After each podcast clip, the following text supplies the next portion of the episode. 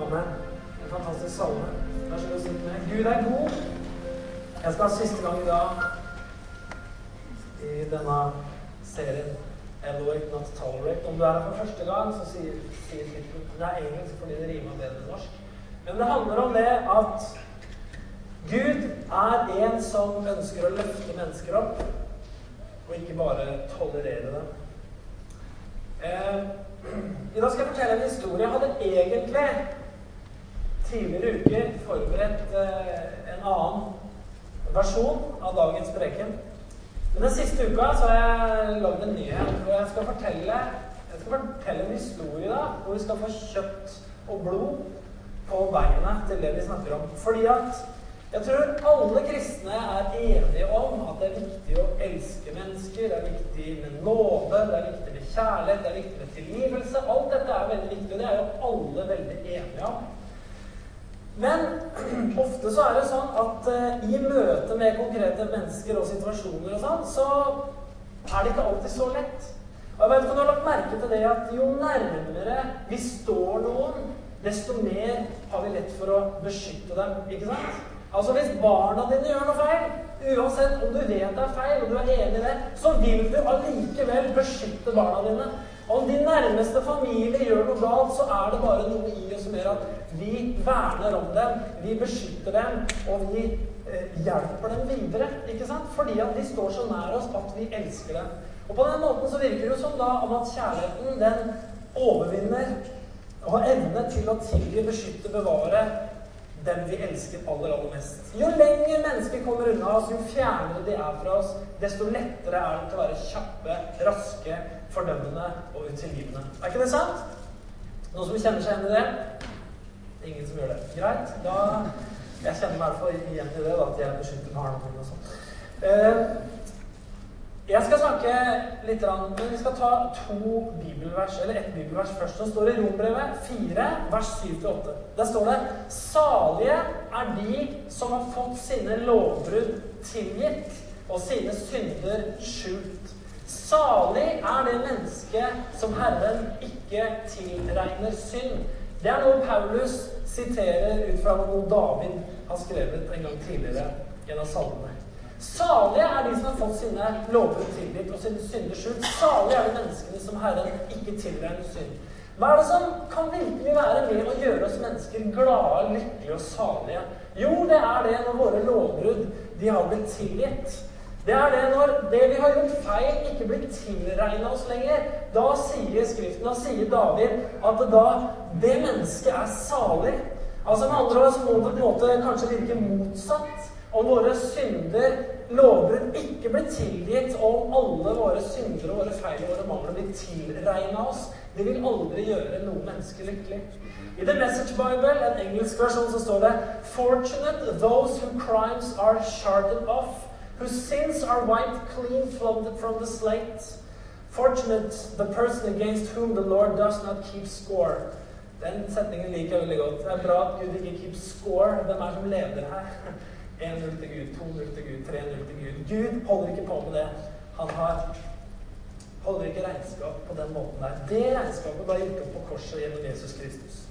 Denne uka, for, for, for en uke siden, så står denne overskriften å lese i dagen i, svenske, i Sverige. Det er den største, fri, det er den største kristne eh, dagsavisa i Sverige. Det er en webside og dette her blir publisert på websida deres. Det fanger min interesse. Jeg hadde sikkert fanget din interesse hvis du så det. Kjent USA-pastor fast for rattfylla.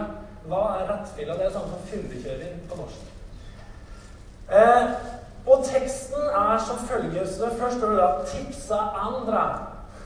Altså det første som står. Denne her sangen det kan du tipse andre om. Fortell andre også om dette her. At han har blitt tatt i fyllekjøring i politikontroll et lite klikk, så har vi tipsa noen om det. Glory. Randy White, 53 år, tidligere, leder det for Legakyrkan. Jeg skal lese på svensk. Vidant Walls International Church, som de sier i Sverige. Fastnade i lørdagsnatt i en poliskontroll. Paret Randy og Paula Whites liv har kantats av framgång og skandaler. Vi grundade og ledde forsamlingen som växte snabbt og ble en megakyrka tills paret annonserade sin skilsmässa i 2007. Paula White startade då sin egen organisasjon, men kallades tilbake som pastor 2009 av sin före detta make, som behövde en time-out pga. hälsorelaterade stressproblem, som han uttrykte saken. Da hadde Paula White hunnit med ytterligere en skandal. Hun ble fotografert når hun og Benny gikk hand i hand i Rom. Og nå kjørte Randy White bil med alkoholnivån 0,9 promille i blodet. Han hektades, men slettes på søndag morgen mot en borger på motsvarende 3500 kroner. Paula White skrev da på forsamlingens hemsida denne forsamlingen er en forsamling som oppretter. Denne forsamlingen kompromisser ikke med Guds prinsipper, men vi er den perfekte forsamlingen for mennesker som ikke er perfekte. Dette sto på den nettsiden. Men jeg leste en artikkelen, så var det første jeg tenkte meg ah, han er skikkelig ferdig, altså. Jeg mener, her, her, her rekker vi da en noen få setninger og, og ramse opp alt negativt som har skjedd i livet hans. omtrent. Han har blitt skilt altså Det er ikke nok å bare skrive at han ble tatt i fyllekjøring. De må også samtidig få med alle de andre skandalene, så de tegner et riktig bilde av mannen. Han har, blitt, han har skilt i 2007, eh, og han har gått av som pastor, det er jo en negativ ting, i 2009. Eh, fordi pga. helserelaterte stressproblemer, som han uttrykte saken Med andre ord, vi må trekke litt i tvil om det egentlig var det det var. Det var bare noe han sa at det var. Det sikkert noe annet. Eh, I tillegg så må vi sverte litt til, fordi kona har gjort noe. Ekskona har også gjort noen ting som vi i tillegg kan på en måte bruke for å sverte ham litt mer. Hun har nemlig vært i enda en skandale da hun ble fotografert når hun gikk hånd i hånd med Benny Hinn i Roma. Det må vi også legge litt på han. Han kjørte med alkoholnivå 0,9 i, i, blodet. Og da tenkte jeg at han er skikkelig ferdig, liksom. Og man tenker ofte når man leser sånn Han er nok en dårlig fyr. Han har nok liksom bare utnytta folk og vært en sånn mega sånn mega, liksom megamenighetspastor. Vet du, som ofte de er liksom mye penger og Amerika og alt det her. liksom Tipsa andre. Så slo det meg hvem er egentlig Randy White? Hvem er egentlig Randy White? Han er 53 år. Og når livet hans skal summeres opp i kristen presse, så har man tre-fire skandaler som han trekker. Jeg tenkte Hvorfor ble han pastor? Hvorfor valgte han å tjene Gud? Hvorfor har han holdt på der hele livet? Hvem er Randy White? Her av to versjoner av Randy White. Det bildet du ser når han ser veldig sliten ut, det er tatt for åtte dager siden. Av politiet i Tampa. Da han ble stoppa. Han er eh, Det er seint. Det er natta. Han har blitt stoppa. Jeg er sikker på at akkurat når det bildet her blir tatt, så er han veldig klar over at nå er jeg i en situasjon som alle kommer til å få vite om. Dette her er ekstremt ille, ekstremt flaut. Alle kommer til å få vite det. Og hele min tjeneste, alt det jeg har vært, og alt det jeg kommer til å være, kommer for alltid dette her til å hefte ved meg at han ble tatt den natta her. Det kan være at det han driver med akkurat nå, jeg skal komme tilbake til, det han driver med nå, vil lide og gå i stykker, kanskje fordi at dette skjedde. Det andre bildet du ser, det er et litt tidligere bilde når han er predikant og han er pastor. Og han er i farta, og han er med og tjener Gud. Og Jeg stiller meg spørsmålet hvem er Randy White? Vet du hvorfor jeg stiller meg det spørsmålet? For jeg vil at vi skal lære oss å stille det spørsmålet når vi hører om folk. Hvem er egentlig denne personen? Det fins alltid historier bak historien. Det fins alltid historier bak historier. Sånn er det alltid. Hvem er Randy White? Den første historien vi leste, det var den historien som kom på dagens nettsider. Den historien som kom i denne kristne avisa i Sverige, den var henta direkte fra lokalavisa i Tampa. Den største lokalavisa der heter St. Petersburg Times. Det er fra de som sponser hjemmearenaen til Tampa Bay Lightning, bare så du vet det.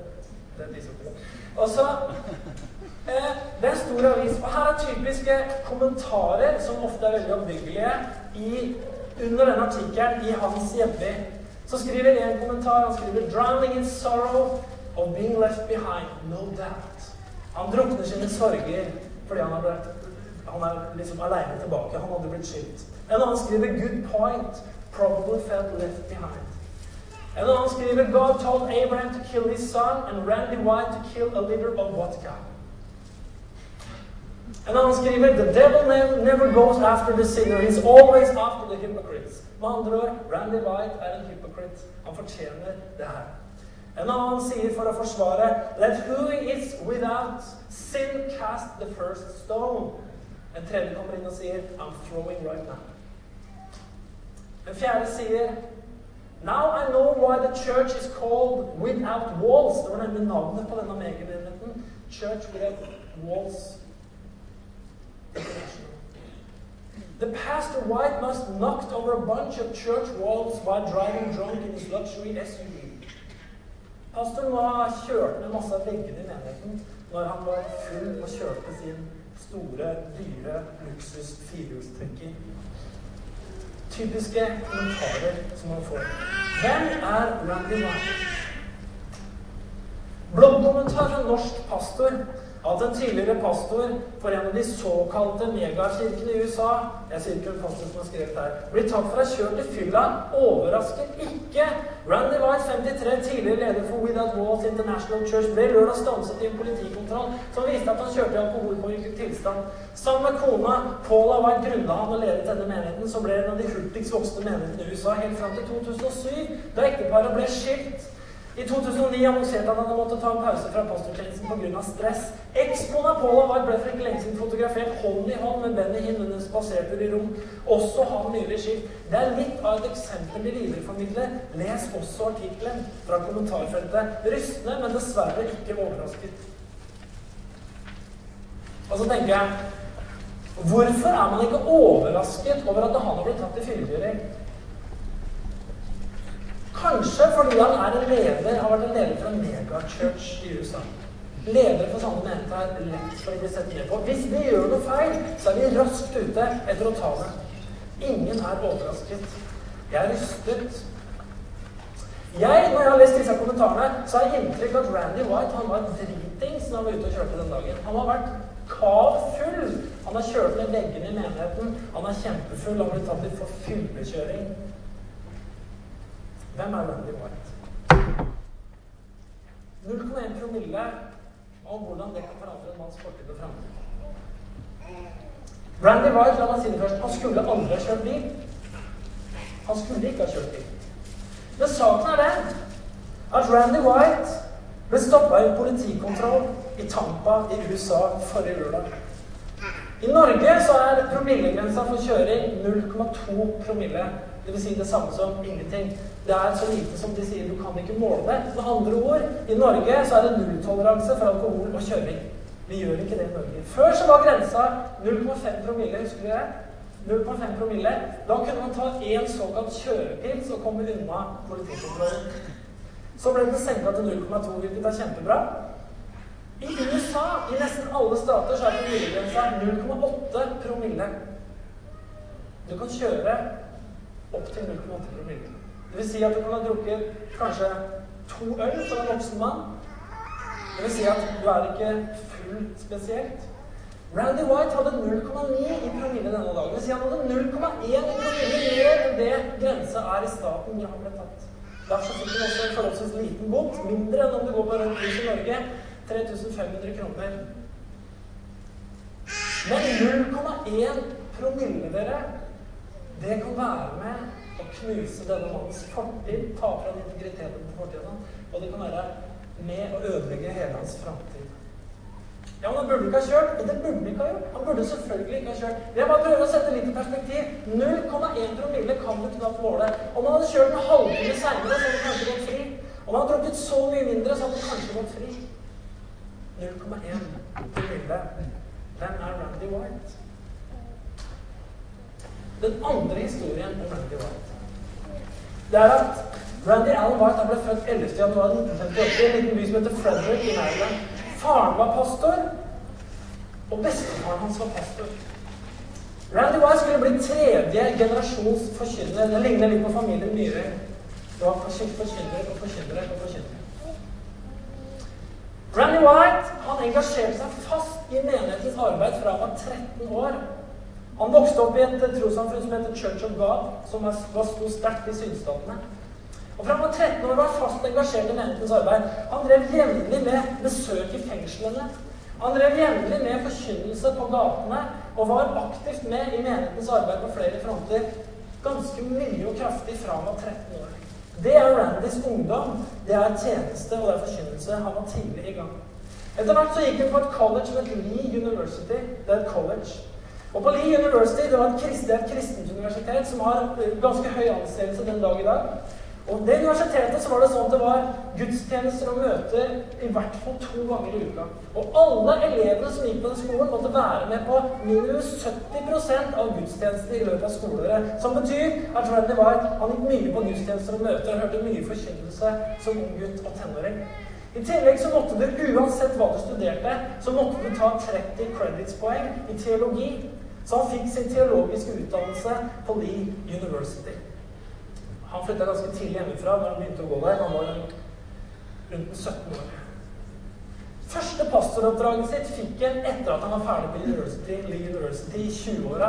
Han overtar ute på landsbygda i Maryland en menighet som sliter som har store interne eh, konflikter og problemer. Som står skikkelig fast, og som sliter enormt. Han kommer inn som forkynner, pastor, nyklekka ut fra teologistudier osv. Han tar over menigheten, og han gifter seg også i denne perioden. Han forteller sjøl at han jobba som en gal hele tida for å få denne menigheten opp på beina. Og det som skjer, er at menigheten kommer på beina. Og i løpet av den tida han var der, så setter de ny såkalt attendance record i Maryland. Det blir den menigheten i Maryland som har mest besøk. Det som er tragisk, er at han er nygift, forholdsvis, og de får tre barn. Og dette ekteskapet får veldig liten tid til å få næring i løpet av disse, denne perioden hvor han var pastor i den menigheten her. I 1991, han har gifta seg, så grunnlegger han og kona hans, Paula White, Tampa Christian Center. Han var 33 år, hun var 25 år gammel. De begynner helt fra bånn, helt fra scratch.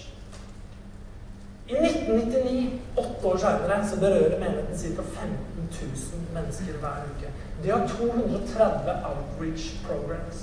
Alt det er etablert i løpet av åtte år. I 2004 var Without Walls International Church den syvende største menigheten i USA med over 20 000 medlemmer. De ekspanderer på flere locations, bl.a. i Houston, hvor de overtar den store, gamle leiligheten til The Carpenters, som hadde slitt skikkelig. Tusenvis av mennesker kommer i kontakt med denne leiligheten. Mange mennesker blir frelst. De gir mange millioner dollar i misjonsstøtte hver eneste måned. Hvem er Randy White? I 2009 så avgår pastor Randy White. Han grunnlegger The Christian Renee White Foundation, som handler om kreftbekjempelse. Det er den andre historien om hvem han er. Om tjeneste, overgivelse, det ofra mye.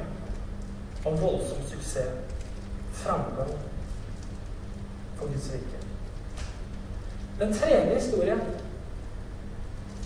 som er den skyldige historien, av hans liv. Den andre historien var suksesshistorien. Den tredje historien handler om at kona hans, som skulle bli kona hans, Paula, hun blir frelst når hun var 18 år. Hun har også et ungdomsekteskap. Hun har gifta seg veldig tidlig. Hun har allerede barn. Hun blir frelst. Hun er 18 år. Ganske kort tid etter at hun eh, blir frelst, så blir det ekteskapet hun er i, avslutta. Hun har én sønn som heter Bradley. I 1989 så treffer Paul i etterkant hans førsteskap skap av godtestykker. han treffer Paula i etterkant hans første etterkant av godtestykker. Randy har tre barn. Renee, Angie og Brandon. Paula og han gifter seg. I 1991 så har de en fattig, nystarta menighet. De lever uten lønn i to år. De lever på noen trygdepenger og almisser fra venner. De to første åra av menigheten så var de lut fattige. De hadde ingenting. Og det har kosta. Det kan du regne med. De kunne sikkert gjort det bra på andre fronter, men de har en drøm. I 2004 så er det sånn at denne menigheten har blitt så stor. Den er Amerikas syvende største menighet. IRS, den amerikanske skattemyndighetene, bestemmer seg for å gå løs på non-profit organizations i USA. Det vil si gjerne kirker, kristne ministries og tjenester som tar inn mye penger, men som ikke er pålagt å betale skatt i USA. Sånn er skattereglene. De er i tillegg ikke lovpålagt å ha åpen bokføring. IRS, skattemyndighetene, de bestemmer seg for at disse menighetene skal ses etter i sømmene. I 2004 begynner denne etterforskninga mot menigheten deres. Det ender opp i lange avhør, etterforskning og masse trykk og publisitet. Fra 2007 til 2011, nå nylig, så er det full etterforskning av denne menigheten og denne ministryen fra IRS ved Iowa-senator Chuck Grassley. Resultatet, når alt er snudd og vendt og gjennomført i 2011, er at det er ingenting å straffe for forfølge. Men det skapte trykk i mange år. I 2007 så, så, slutter veldig store deler av staben i menigheten som et resultat av alt trykket og alt det de opplever, disse sakene som har med IRS å gjøre. I 2007 så skilles Randers og Paula White. De er superkjendiser, og skilsmissen deres skjer på nasjonalt kristen TV nærmest i USA. De må stå offentlig fram og forklare seg. Paula er på Larry King på CNN og må forklare hvorfor er ekteskapet deres gått i stykker. Hvis du har gått gjennom et ekteskapsbrudd, eller du kjenner noen nær deg som har gått gjennom et ekteskapsbrudd, og vet hvilken belastning det er, og i tillegg tenke seg at man skal stå foran sin egen forsamling for 20 000 og forklare det, og på TV, så kan du anta at det skaper et visst trykk på livet ditt. For å si det mildt. I 2008 så dør datteren hans. Kristen hun dør av hjernekreft 30 år gammel. Hun har vært syk i flere år. Hun har hatt hjernekreft og kjempa mot kreften i mange, mange, mange år. I 2008 så må hun gi opp og dør. Hun etterlater seg to barn som han er bestefar til. Den kampen har foregått Samtidig som de skulle holde staben sammen med menigheten, holde menigheten oppe, sammen med rettssaker, undersøkelser, IRS og masse negativ offentlig publisering. I 2009 så avgår han som pastor fordi helsen er sviktende. I 2011 ble han tatt med 0,9 i promillekontroll. 0,1 promille over grensa. Hvem er Randy White? Det var to kvinner som betydde mye for ham. Den var kona hans, Paul White, som tok over som pastor etterpå. Hun har fått mye penger fordi hun er kvinne, og fordi hun var ganske pen. Og så er det dattera hans, René Christian White.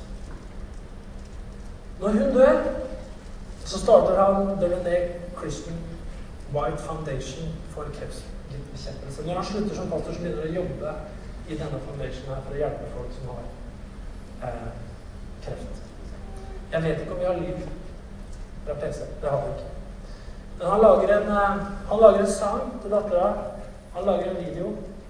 Og den, eh, den sangen den, eh, den, handler om at eh, det gikk en del av hjertet mitt. Jeg tror alle som har barn, kan forstå at det å miste en datter, et barn, det, det vil knuse hjertet ditt. Han skriver en sang til henne som ikke får høre her nå. Det er egentlig ikke så veldig farlig. Men dette er Randy White. Hvem er Randy White? Videoen handler egentlig om en historie om alle de ulike fasene de har vært igjennom som far, som far og datter. 0,1 promille er nå er realiteten han skal forholde seg til akkurat nå. Og så tenker jeg Jeg brukte casen her for å tenke Hvordan er det vi tenker? Hva tenker Jesus om han? Jeg kunne tenkt meg en annen overskrift hvis de hadde rykka tilbake. Så ser jeg for meg en annen artikkel i et blad. Denne kunne kanskje stått på jerusalemnews.com år 33, 7.4. Kjent Jerusalem-pastor avslørt under rettssak. Tips andre. Under den pågående rettssaken mot den kontroversielle rabbin Jesus fra Nazaret har de fleste av tilhengerne holdt seg borte fra rettssaken. En av pastorene i sekten, Simon Peters, dukket imidlertid opp nærmest undercover, men ble avslørt av sin dialekt.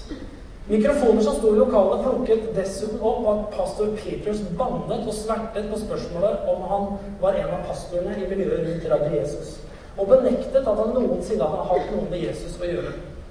Pastor Simon Peters har også tidligere kommet med en rekke kontroversielle uttalelser, som at han var villig til å be om at ild skulle falle ned fra himmelen for å ødelegge de byene der sektens bekjennelse ikke ble mottatt. Pastor Peters har tidligere også offentlig erklært at om alle andre forlot menigheten til rabbi Jesus, så ville han alltid selv bli stående, uansett om det ville innebære at han ble drept. Mye tydet nå på at pastor Peters, i likhet med sin tidligere pastorkollegaer, må vende tilbake til sin opprinnelige yrker, som for Peters del innebærer fiske. Kritikerne av sekten har lenge påpekt at ingen av dem har noe vise til, har, har å vise til noen formell utdannelse til å stå i pastorstillinger, noe som gjør at de etablerte kirkene hele tiden har stilt store spørsmålstegn ved bevegelsen. Saken mot rabbi Jesus vil fortsette i dagene som kommer. Det er spesielt hans påstander om at han er Guds sønn, og at han maner til opprør mot den romerske statsmakten, vil være sentrale. Journalist Louis Cypher, reporter lucifer.jerusalemnews.com.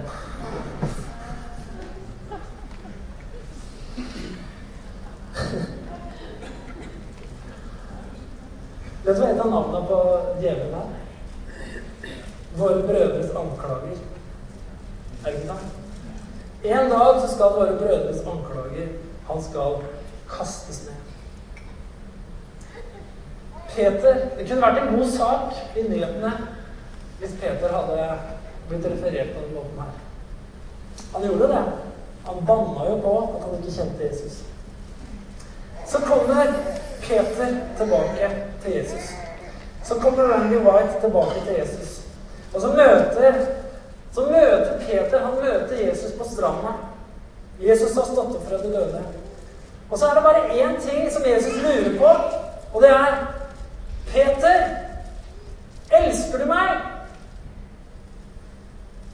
Og Peter svarer, ja, Herre, du vet at jeg elsker deg.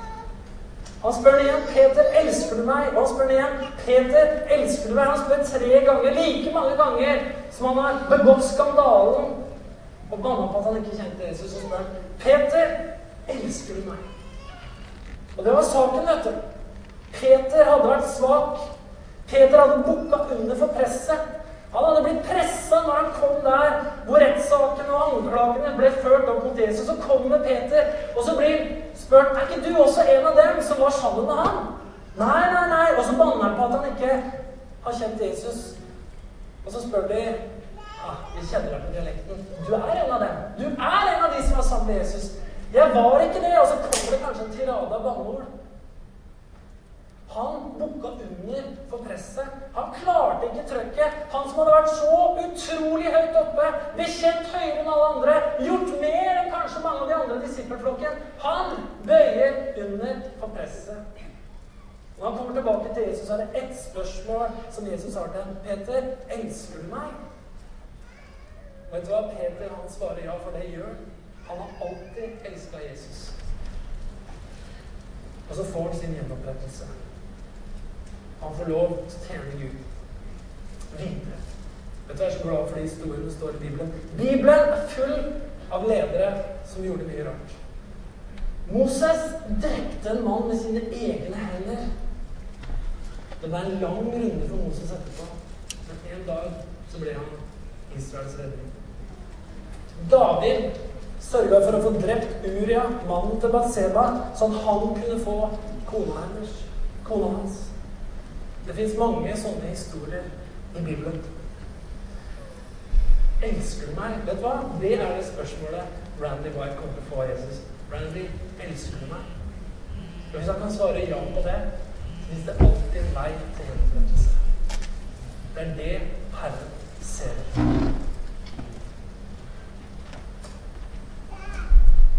Skriften sier i 1. Peter Det er han som skrev det. 4,8. Framfor alt skal dere elske hverandre inderlig, for kjærligheten skjuler en mengde synder. Amen.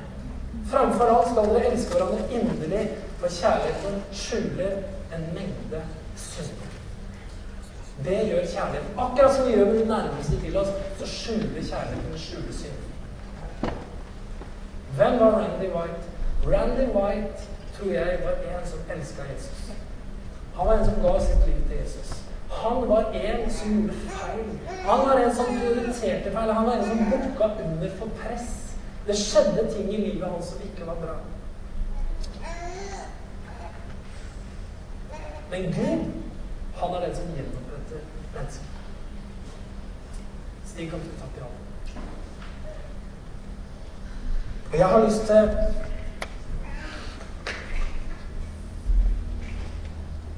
Jeg har lyst til å si til meg sjøl, jeg har lyst til å si til oss Hver gang vi hører en historie om mennesker For i framtida, hvis Randy White noen gang skulle komme på besøk til Norge Jeg har allerede ringt Nei, bare tull.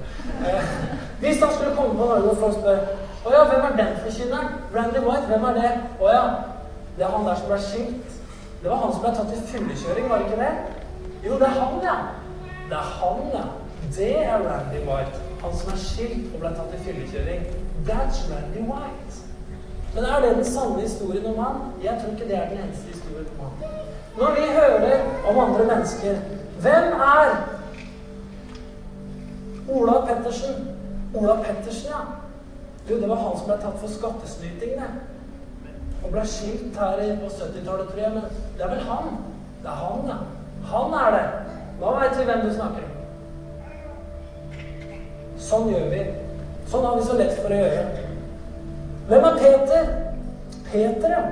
Og det var han som banna på at han ikke kjente Jesus. Det var han som bukka under når presset kom på. Vet hva? Det fantes en annen historie om Peter også. Det fantes en historie om en brennende ung mann som ville følge Jesus, og som ikke kjente seg sjøl. Som gjorde mye rart, men som endte opp som en Guds tjener allikevel på grunn av Guds nåde. Herre, vi takker deg for at du kom for å frelse det som var fortapt. Herre, du kjenner oss. Du kjenner alle oss mennesker, Herre. Du bryr deg om oss. Herre, takk for at du er uendelig i din kjærlighet. Takk, Herre, for at du er den som skjuler våre synder. Herre, vi takker deg for at du er den som tilgir våre lovbrudd. Herre, vi takker deg for at du gjorde det gjennom Jesus Kristus. At vi kan slutte oss til Davids vitnesbyrd når han sier at salig er det mennesket som Herren ikke tilregner synd. Herre, vi ber om at vi får lov å både ta imot og gi av den nåden videre til andre. Herre, lær oss at bak enhver historie så fins det andre historier. Så fins det flere historier. Herre, vi priser deg. Vi takker deg. Vi reiser oss litt her nå. Vi skal bare tilbe Herren. Takk, Jesus Kristus.